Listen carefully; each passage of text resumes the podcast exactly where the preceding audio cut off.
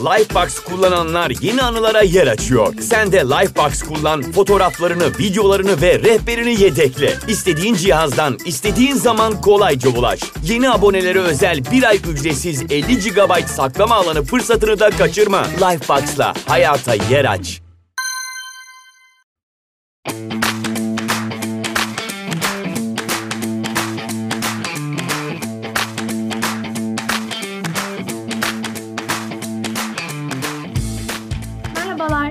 Güzel Hayallere hoş geldiniz. Hayallerin peşinden koşup hayatlarını dolu dolu yaşayan, aramızdaki saklı kahramanların sıra dışı hikayelerini, hedeflerine ulaşmak için neleri farklı yaptıkları ve eğlenceli sohbetleriyle ilham veren yolculuklarını dinliyor olacağız.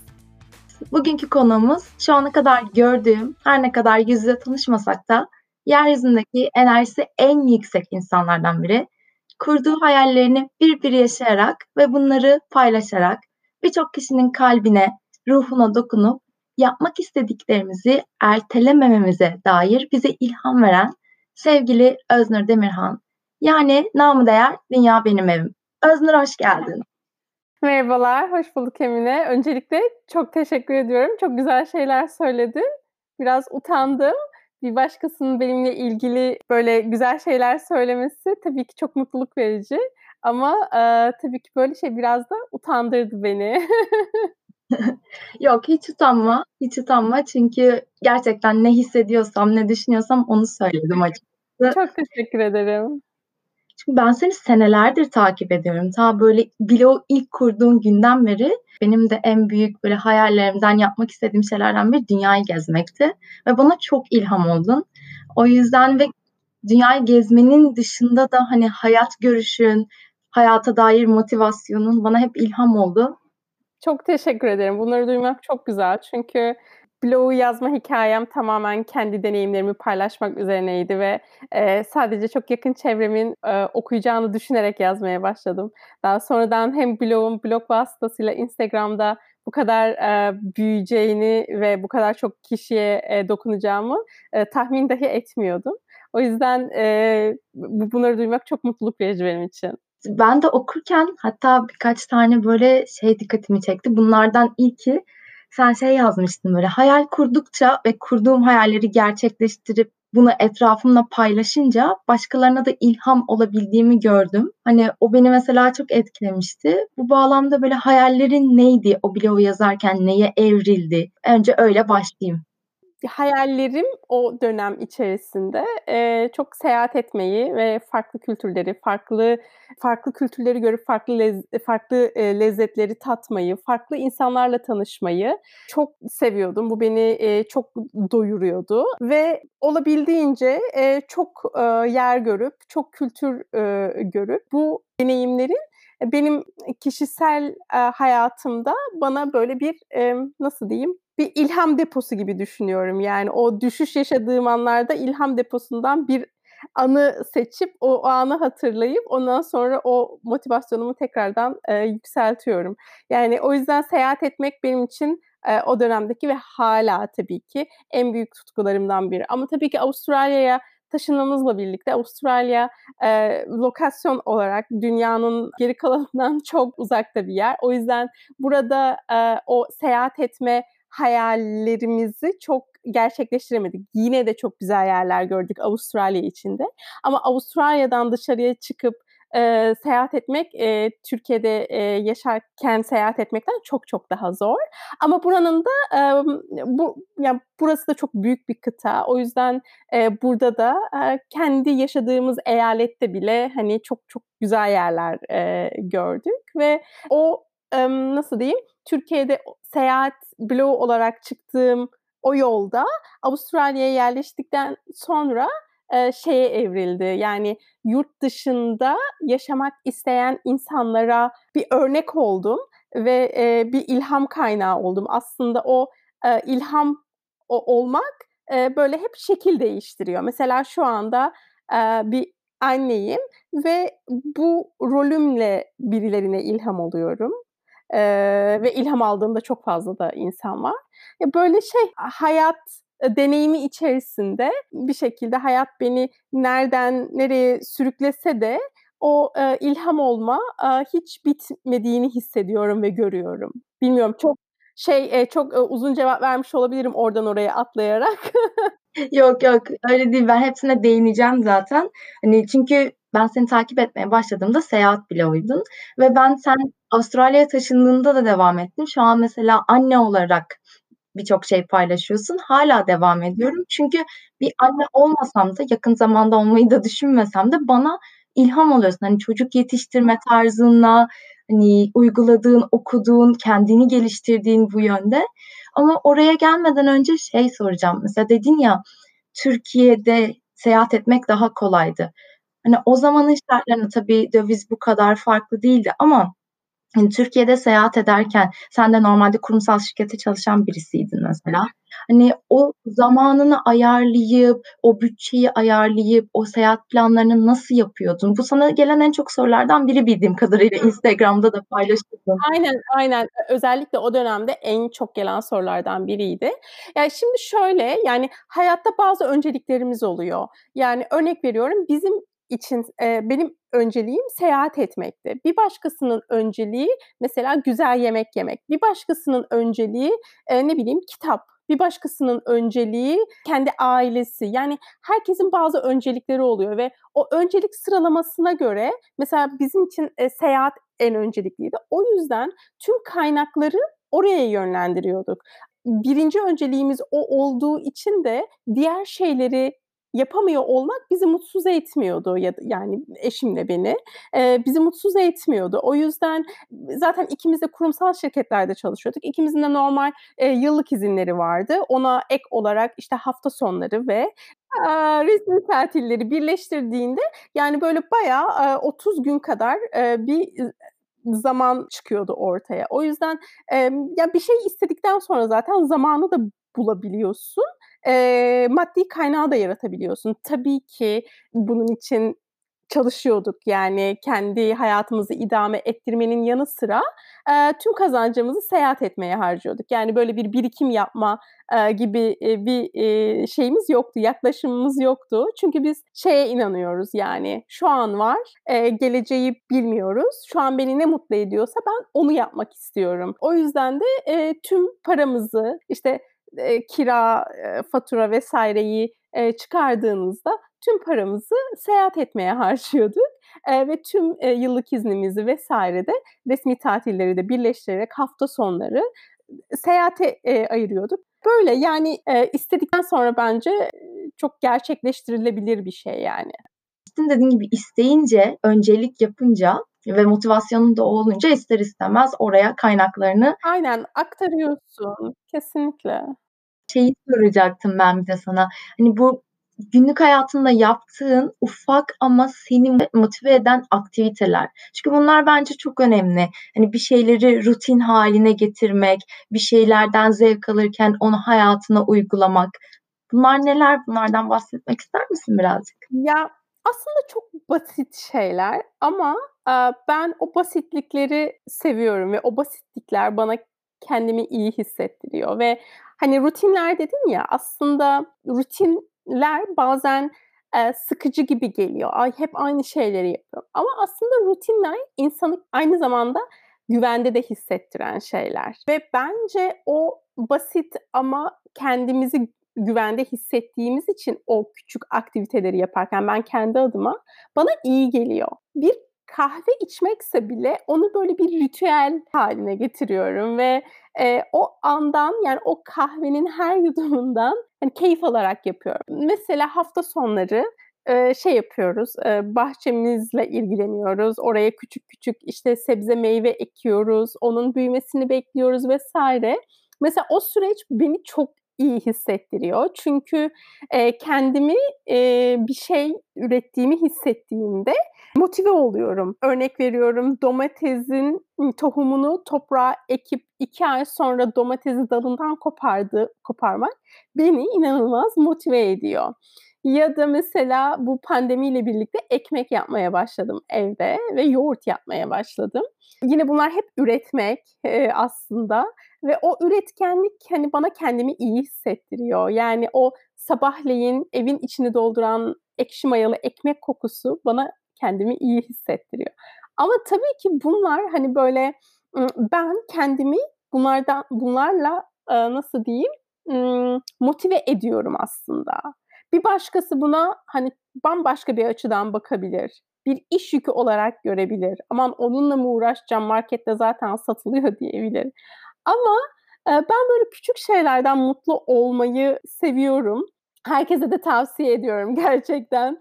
Eee, bir bir mesela bu podcast'i dinledikten sonraki yaptıkları bir aktivitede, örnek veriyorum, kitap okumak ya da ne bileyim bir yürüyüş yapmak ya da bir kahve içmek ya da bir yemek yemek.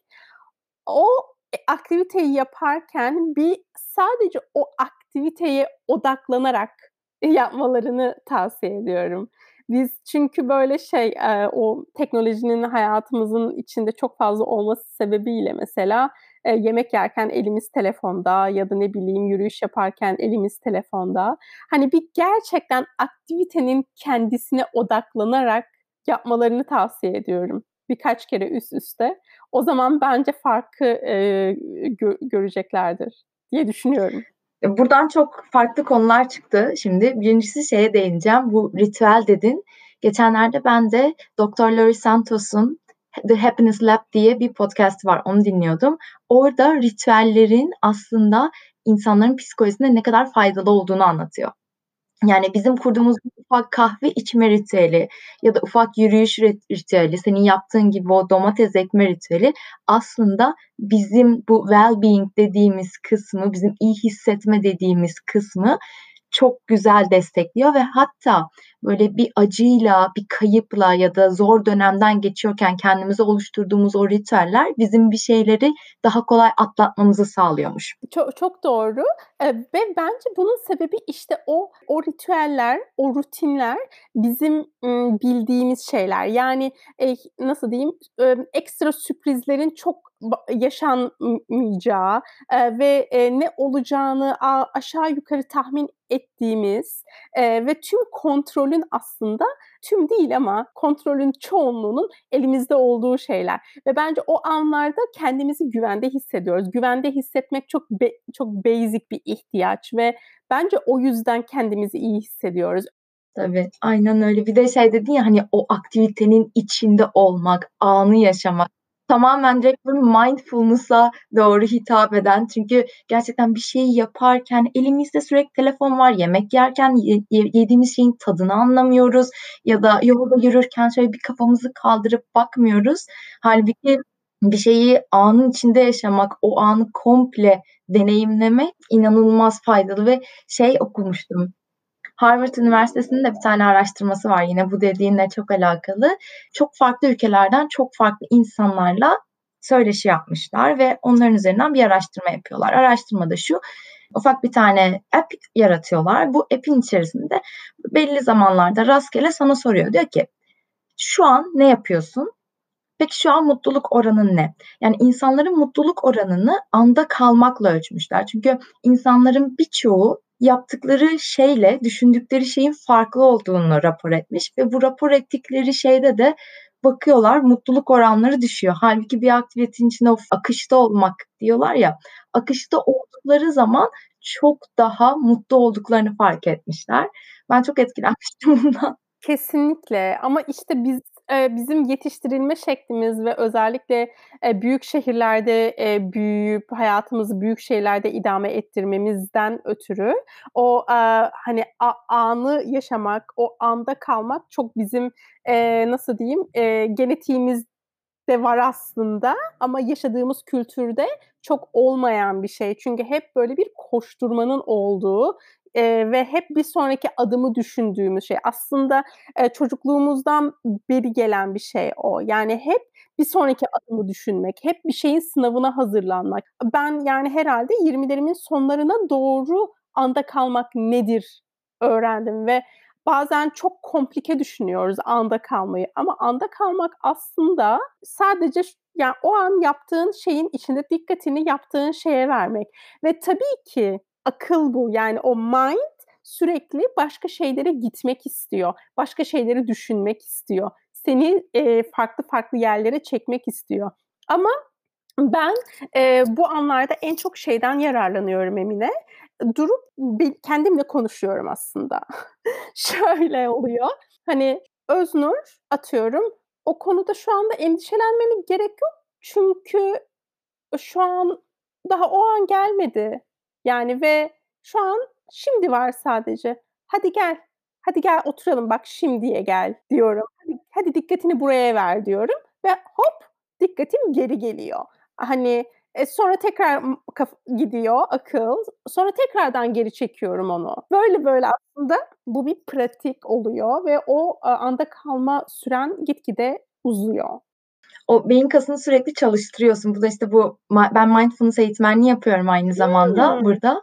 Çok Orada güzel. da mesela sürekli öğrettiğimiz şeylerden biri beyin kasını sürekli çalıştırmak. Sürekli çünkü senin aklın sürekli başka yere gidecek ve sen onu geri getireceksin.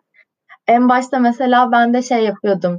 Evet bunu düşünüyorum şu anda ama bunun bana faydası ne? Yani bunu düşünerek değiştirebilecek miyim ya da o olayın akışını değiştirebilecek miyim? Bir çözüm bulacak mıyım? Hayır. O zaman sana faydalı olacak daha farklı şey düşün. Gel buraya anın içinde kal. Aynen, aynen kesinlikle öyle ve hani bu e, tüm hayatına hayat hayatınıza yani e, yayabilirsiniz. Yani bunu seyahate yayabilirsiniz, bunu ebeveyn olmaya yayabilirsiniz. Yani bu her şeye e, yayılabilecek bir şey yani. Evet, aynen öyle. Bir de benim çok merak ettim. Daha henüz o kitabı okumadım ama senin paylaşımlarında sana sorulan en çok sorulardan biri hani böyle önerebileceğiniz bir kitap var mı dediğinde dört anlaşma kitabını çok söylüyorsun. Ben onu okumadım. indirdim Kindle'a ama henüz okumadım. O dört anlaşma kitabından senin böyle çıkardığın ve hayatına uyguladığın ve bakış açını değiştiren şeyler var mı? Varsa neler onlar? Yani en en en önemli şey o dört anlaşmanın anlaşmalarından bir tanesi kişisel algılamamak ee, ve e, o benim hayatımı hayata bakış açımı değiştirdi diyebilirim. Çünkü ben öncesinde çok e, alıngan bir insan olduğumu söyleyebilirim. Fakat sonra e, yapılan davranışların, hareketlerin, sözlerin, tartışmaların, e, iletişimin vesaire e, karşı tarafınla ilgili olduğunu öğrendiğim andan itibaren müthiş bir şekilde bir rahatlama geldi bana. Örnek veriyorum Lifebox kullananlar yeni anılara yer açıyor. Sen de Lifebox kullan, fotoğraflarını, videolarını ve rehberini yedekle. İstediğin cihazdan, istediğin zaman kolayca ulaş. Yeni abonelere özel bir ay ücretsiz 50 GB saklama alanı fırsatını da kaçırma. Lifebox'la hayata yer aç. Karşı taraftan hakaret duysam bile şunu demeyi öğrendim. Ee, şu an bana yapılan hakaret benimle ilgili değil karşı tarafın bununla ilgili bir çözemediği bir sorunu var, bir sıkıntısı var hayatla ve o bu kişiye bana böyle iletişim kurmasına sebep oluyor. O yüzden e, e, öznur kişisel algılama şeklinde. Ve bunu her şeye uyarlayabilirsiniz. Yani mesela günlük yaşantımda bile bir şey oluyor. Mesela arkadaşım bir şey e, söylüyor, yazıyor ve bir anda böyle alındığımı hissediyorum. Sonra mesela hemen şey diyorum. Bunun seninle ilgisi yok Öznur. Bu tamamen karşı tarafla ilgili. Ne zaman ki böyle diyorum o zaman çok çok çok daha kolay oluyor insan ilişkileri e, benim için. E, ikincisi de varsayımda bulunmamak. Çünkü e, biz e, çok varsayımda bulunuyoruz insan insanlar olarak yani. Kitaptaki ikinci kural e, varsayımda bulunmamak. Tamamen olanı olduğu haliyle anlamak e, bu da aynı zamanda bana hayatıma bakış açımı değiştiren şeylerden biriydi. Diğer iki kural da tabii ki çok güzel. Bir tanesi her ne yapıyorsan e, elinden gelenin en iyisini e, yap. Bir tanesi, diğer üçüncü, dördüncüsü de e, sözün büyüsü yani sözcüklerini e, seçerek kullan. Ama tüm dört kurala hayran olmakla birlikte en çok e, hayatıma e, etki eden bu ikisi varsayımda bulunmamak ve e, olayları e, kişisel algılamamak. En önemli iki şeyden bir tanesi aslında bakarsan özellikle varsayımda bulunmak çünkü aklımızda o hikayeyi yaratıyoruz. O da zaten bizim anda kalmamızı çok engelliyor. Bu böyle olursa şimdi şu olacak. Orası oraya gelirse böyle olacak Kesinlikle. diye. Kesinlikle. Aslında söyleyecektim sen söyledin. Varsayımda bulunmamak ile anda kalmak da çok e, birbiriyle ilişkili. Tabii ki kişisel gelişim kitaplarında hani önemli olan e, okuyup geçmek değil, okuduğunu hayat pratiğine dökmek. E, bir anda bir konuda expert olmak mümkün değil. E, ama eğer nasıl diyeyim okuduğunuz şeyi hayattaki pratiğe dökmek isterseniz en azından bu niyette olmanız bence e, müthiş bir başlangıç. Her gün bir tanecik bir şeyi bile değiştirmeye farklı açıdan bakmaya çalışsanız bu bir süre sonra e, sayısı giderek artacaktır ve e, inanın hayat kalitenizi arttıracaktır. Kesinlikle. Bazen şey istiyoruz zaten hani bir şey anında olsun, komple değişsin, komple mükemmel olsun ama aslında baktığında hep baby step dediğimiz şeyler var ya ufak adım. Evet kesinlikle. Hani şey böyle çok fazla mesaj alıyorum bazen. İşte ben de bilmem işte şunu şunu şunu okudum ama hiç uygulayamıyorum. O zaman okumanın da çok bir mantığı yok bence kişisel gelişim kitaplarını. Çünkü asıl olay aslında çok küçük de olsa hayat pratiğine dökmek. Evet doğru söylüyorsun. Bir de bildiğim kadarıyla sen anne olduktan sonra özellikle annelikle ilgili çok böyle fazla kitap okuyorsun, bilgilerini paylaşıyorsun. Herkesin doğrusu kendine tabii ki. Burada kimsenin çocuk yetiştirmesine hani herhangi bir şey söylemiyorum ama bir birey yetiştirmek mesela benim en çok gözümü korkutan şeylerden biri. Bir, doğru bir şekilde birey yetiştirmek, doğru değerleri verebilmek çok önemli. Benim dikkatimi çeken şeylerden bir tanesi senin paylaşımlarında bu Fluffy tavşanı aldıktan sonra mesela Dünya onu seviyordu ya severken birazcık haşin seviyor sen hiçbir zaman hayır demiyorsun mesela. Anneciğim yavaş, anneciğim şöyle yap diye. Hani o mesela kafa yapısı ya da nelerden etkilendiğin, neler okudun, ideal ebeveyn senin gözünde nasıl oluştu? ben hep dünyanın, Dünya Lennon'ın içinde bulunduğu ay neyse mesela doğduğu andan itibaren hep açıp okudum. İşte dört ay hani gelişimsel özellikler, dört ay e, nasıl diyeyim beyin gelişimini nasıl destekleyebilirim? Mesela altı aylık olduğunda işte hangi oyuncaklar e, onun için faydalı? İşte mesela dün e, daha yeni baktım 22 aylık oldu Dünya. İşte 22 ay ben e, beyin gelişiminde neler oluyor? 22 aylık bir bebeğin, bir çocuğun beyninde neler oluyor? Bunları merak ediyorum, okuyorum. Okuduktan sonra da e, hayatımıza uyguluyorum. Yani tabii ki ben de sonuç olarak ilk defa 22 aylık bir çocuğun annesiyim şu anda. İşte mesela hani Fluffy'ye mesela zarar veriyor ya. O Fluffy'ye zarar verdiğini bilmiyor ki. Düşünmüyor yani Fluffy'ye zarar zararın ne demek olduğunu bilmiyor. e, o yüzden o yüzden ben ona e, hayır dediğimde e, o e, hayal kırıklığına uğruyor. Ne, neden ki? Yani onun için ortada bir zarar yok ki.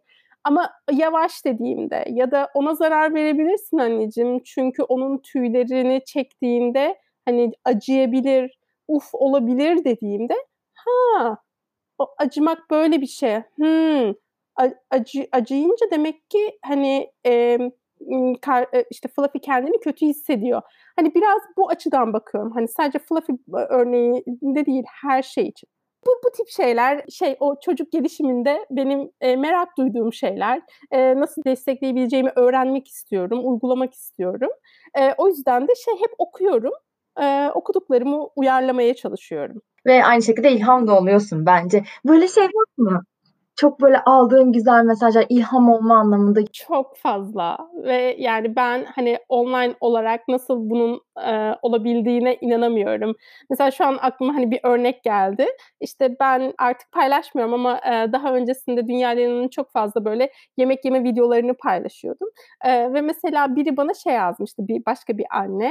Hani e, sizin sizi izleyerek bir bebeğin kendi kendine yemek yiyebileceğine inandım ve kendi çocuğuma da bunu yapıyorum. Kendi çocuğuma da e, bunu yapmaya başladım. Ben beslemiyorum, o kendi kendini besliyor. Ya bu mesela bu, hani böyle ilk aklıma gelen çok hoşuma giden e, bir örnek ama çok fazla mesaj geliyor ya. Hani hem ebeveynlikle ilgili hem daha önce yazmış olduğum seyahat bloglarını okuyup ona istinaden yazan var. Avustralya'ya taşınma hikayemizden etkilenip e, buraya taşınan var. Ya da ne bileyim oradan hani e, etkilenip ilham alıp başka bir yere taşınan var. O kadar fazla ki ve dediğim gibi yani böyle hani bazen inanamıyorum nasıl nasıl olur ya diyorum yani. Çok etkilendiğim bir şey bu. Birilerine dokunuyor olmak.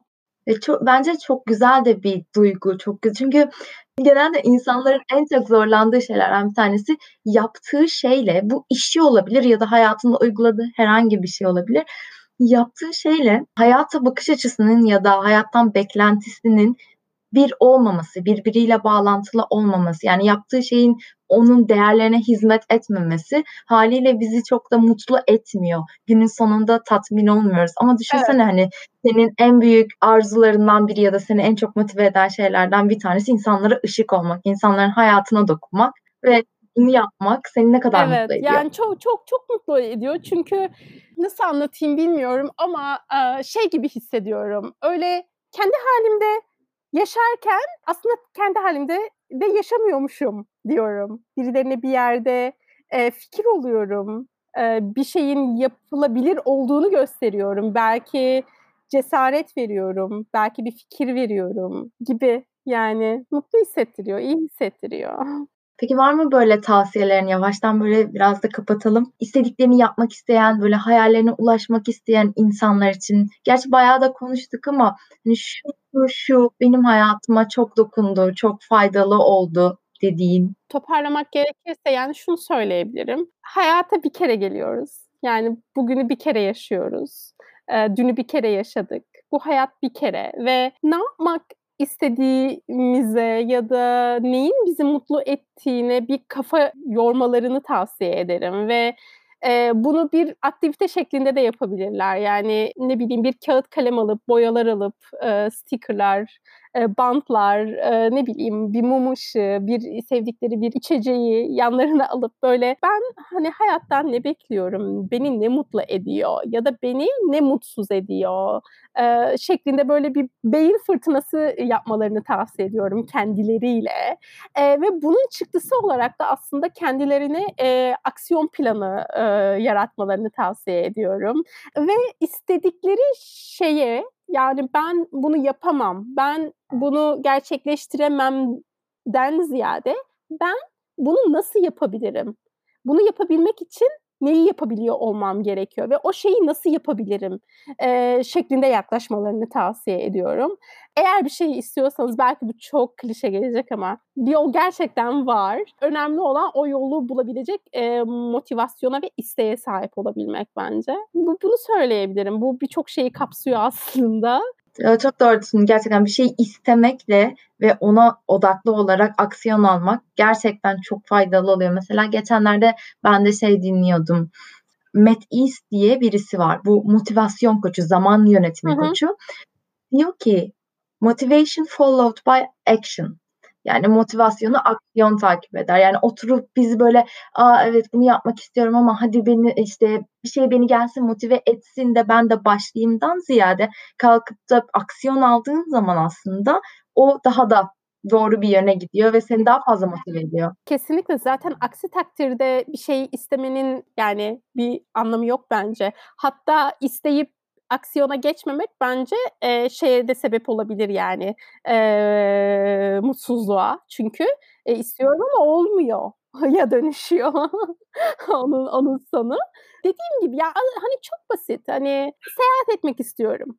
Beni seyahat etmek mutlu edecek. Ondan sonra alt kırılımları hani bir şekilde hani seni oraya götüren e, yolu tek tek yazmak. Hani bu oturup hani bir saatlik bir aktivite olarak düşünmeyin bunu. Bunu şöyle düşünün yani bir e, yer edinin, bir e, alan açın e, kendinize. O kağıt orada kalsın ve hani aklınıza geldikçe e, o kağıdı boşlukları doldurarak hani yaratabilirsiniz ve e, bazı şey mesela benim adıma yani benim için e, bir şeyleri yazmak daha şey oluyor, e, daha etkileyici oluyor. Böyle başlayabilirsiniz. Sonrasında da yani seyahat etmek için neye ihtiyacım var?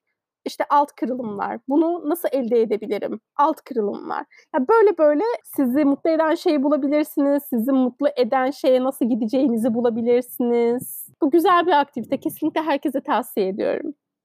Çok güzel bir aktivite. Yani bir şeyleri yazmak özellikle sürekli böyle düşünen beyin içindeki şeylere de yardımcı oluyor. Sürekli bir şey düşünüyor olmak bizi biraz daha karmaşık bir yapı yatıyor ama dediğin gibi yazdığın zaman gözünün önünde görüyorsun. Ve Evet. onu bir yere koyduğun zaman da hani sürekli ona odaklı çalışıyorsun. Evet bir de şöyle bir şey var yani e, ben çekim yasasına inanıyorum yani siz bir şeye niyet ettiğiniz zaman bunu gerçekleştirmeye gönüllü olduğunuz zaman ve bununla ilgili küçük küçük adımlar atmaya başladığınız an bir şekilde etrafınızdaki enerjiyi buna yönlendiriyorsunuz ve enerji buna evriliyor. O yüzden şey yani hani istiyorum olmuyordan bir tık ötesi e, gerekiyor orada. Hani istiyorum, e, bunu istiyorum bunu e, buna sahip olabilmek için şunları şunları yapmam gerekiyor ve şunu yapmaya başladım mı yapabiliyor yani o noktaya gelebilmek önemli bence. Ondan sonra da o aksiyonu devam ettirmek, aksiyon almaya devam etmek ve zaten göreceksiniz. Yani şeyi hatırlıyorum ben. Hani şu, şunu dediğimi hatırlıyorum Emine. Tüm bu güzellikler beni nasıl bulur? Ben ne yaptım? Ne yapıyorum da tüm her şey bu kadar istediğim gibi ilerliyor. Bakış açını Hani- değiştirdin. Evet, evet kesinlikle. Yani ve bu mümkün. Hani ben özel bir insan değilim. özel güçlerim yok. Herkes gibiyim. Herkes gibi etten kemiktenim. Dediğim gibi o enerjiyi de böyle hani doğru e, yöne böyle e, ka- kaydırmak gerekiyor galiba. Kesinlikle gerekiyor. Bir de dedin ya çekim yasası diye. Çekim yasasına ben de çok inanıyorum. Ve çekim yasasının dışında bence onun işleyiş tarzlarından biri de şu. Sen bir şeye odaklandığın zaman yapabileceğine odaklandığın zaman hani o, neye odaklanırsan onu büyütürsün çünkü. Bakış açın da ona göre değişiyor. Çünkü algıda seçicilik dediğimiz şey bizi negatife de götürebilir, pozitife de götürebilir. Ben bunu yapacağım diye onu odaklandığında aslında oradaki fırsatları bir tık daha fazla seçiyorsun. Aa, burada da bu var aslında, şurada da şu var gibi. Evet, evet, evet kesinlikle, kesinlikle. E, enerjiyi yönlendirdiğin yerle algıda seçiciliğin başladığı yer e, çok e, ilişkili. E, dediğin gibi şey oluyor yani. Enerjiyi yönlendirdiğin yerle ilgili şeyler karşına çıkmaya başlıyor. E, sonra da hani şey hani aa ne tesadüf di- diyorsun aslında ama tesadüf değil. Değil değil. Mesela babam hep şey derdi benim. Aklıma gelen başıma geldi. Ama tabii o enerjisini çok da olumlu şeylere yönlendirdi. Aklıma gelen başıma geldi. Ben ki vay be adamın bak sezgileri ne kadar kuvvetli. Halbuki sezgileri falan kuvvetli değil. Enerjisini ona yönlendirdi. Enerjisi. evet. Evet. Çok tatlı. Özgür benim de değinmek istediğim şey e, bir şey daha var. Sen son zamanlarda SMA'lı bebekler için bir kampanya başlattın ve bununla alakalı paylaşım yapıyorsun. Mesela ben bilmiyordum böyle bir hastalık olduğunu ya da hani bu tarz bebeklerin bu şekilde hastalıkları olabileceğini diyeyim. Ondan çok hafif bahsetmek ister misin? Nedir, ne değildir? Biz nasıl destek olabiliriz? Yani aslında şey e, benim kampanya bireysel olarak benim kampanyam değil ama ben hani bu çocuklar için ne yapabilirimden yola çıkarak hani e, şeye dönüştü. Yani ben bu çocuklar için ne yapabilirimle birlikte e, ilk aklıma gelen benim şu oldu işte o dönemde. E, buradan kartpostal yollamak bağış karşılığında insanlara ve bu o, inanılmaz ilgi gördü. Çünkü insanlar böyle e, bağış e, yapıp e, şeyini paylaşıp, dekontunu paylaşıp kartpostal yollamamı istedi. Böylelikle daha önce hiç bağış yapmamış insanları bağış yapmaya ya yönlendirmiş oldum. Bir de burada benim de şey handmade böyle çocuk bebek odaları için tasarladığım duvar süsleri var. Onları satarak oradan kazandığım geliri bu çocukların tedavisi için bağışlamıştım. Birçok insan harika şeyler yapıyor. Benim de SMA hastalığıyla ilgili daha önce hiçbir bilgim yoktu. Tamamen sosyal medya aracılığıyla ben de bilgi sahibi oldum E, ve özellikle anne olduktan sonra hiçbir çocuk ağlamasın istiyorsun. İlla tabii ki bunun için anne olmaya gerek yok yani ama bu anne olmak biraz daha hormonları daha da etkiliyor diye düşünüyorum. Ee, yani eminim bu zamana kadar bu podcast'i dinleyenlerin karşısına sosyal medyada bir kere e, bile çıkmıştır bu e, çocuklar için istenen bağışlar. Yani tek söyleyebileceğim sizin bağışlayacağınız bir kahve parası, bir yemek parası ya da o ay bir hani elbise almayıp o elbiseye harcayacağınız bir para bir çocuğun hayatını kazanmasına sebep olur o, o, oluyor. Bu şekilde 3-4 tane çocuk ilacına kavuştu. E, yani eğer görüyorsanız e, karşınıza çıkıyorsa bu çocukların e, kampanyaları lütfen duyarsız kalmayın ve çok küçük de olsa, çok minik de olsa e, mutlaka bağış yapın e, diyebilirim. Eğer daha önce hiç görmediyseniz ve bu podcastle karşınıza çıktıysa bu e, bilgi, e, Instagram'dan SMA'lı bebekler diye aratırsanız karşınıza birçok tedavisine ulaşmak için bekleyen bebeği göreceksinizdir. Kesinlikle katılıyorum. O zaman buradan dinleyenlere de çağrımız olsun. Eğer ki karşınıza çıkarsa ya da siz ekstradan bağış yapmak isterseniz SMA'lı bebeklere internete yazarak da bulabilirsiniz. Instagram'da aratarak da bulabilirsiniz. O şekilde bağışlarınızı yönlendirebilirsiniz. En azından bir canın hayatına umut olmuş olur ki bu da evet. çok önemli. Özlem çok teşekkür ederim katıldığın için, bize bugün ışık olduğun için. Çok güzel şeylerden bahsettik, çok güzel noktalara değindin. Çok teşekkürler tekrardan. Ben teşekkür ederim beni davet ettiğin için. Ee, umarım e, bu yayını dinleyip e, pozitif anlamda e, etkilenen birçok insan olur. E, ve umarım güzel güzel geri dönüşler alırsın. Gelişi güzel hayallerin sonuna geldik. Eğer ki yeni gelişmelerden ve diğer ilham verici hikayelerden haberdar olmak istiyorsanız abone olmayı ve Instagram'da Gelişi Güzel Hayaller hesabını takip etmeyi unutmayın. Sevgiyle kalın. Lifebox kullananlar yeni anılara yer açıyor. Sen de Lifebox kullan, fotoğraflarını, videolarını ve rehberini yedekle. İstediğin cihazdan, istediğin zaman kolayca ulaş. Yeni abonelere özel bir ay ücretsiz 50 GB saklama alanı fırsatını da kaçırma. Lifebox'la hayata yer aç.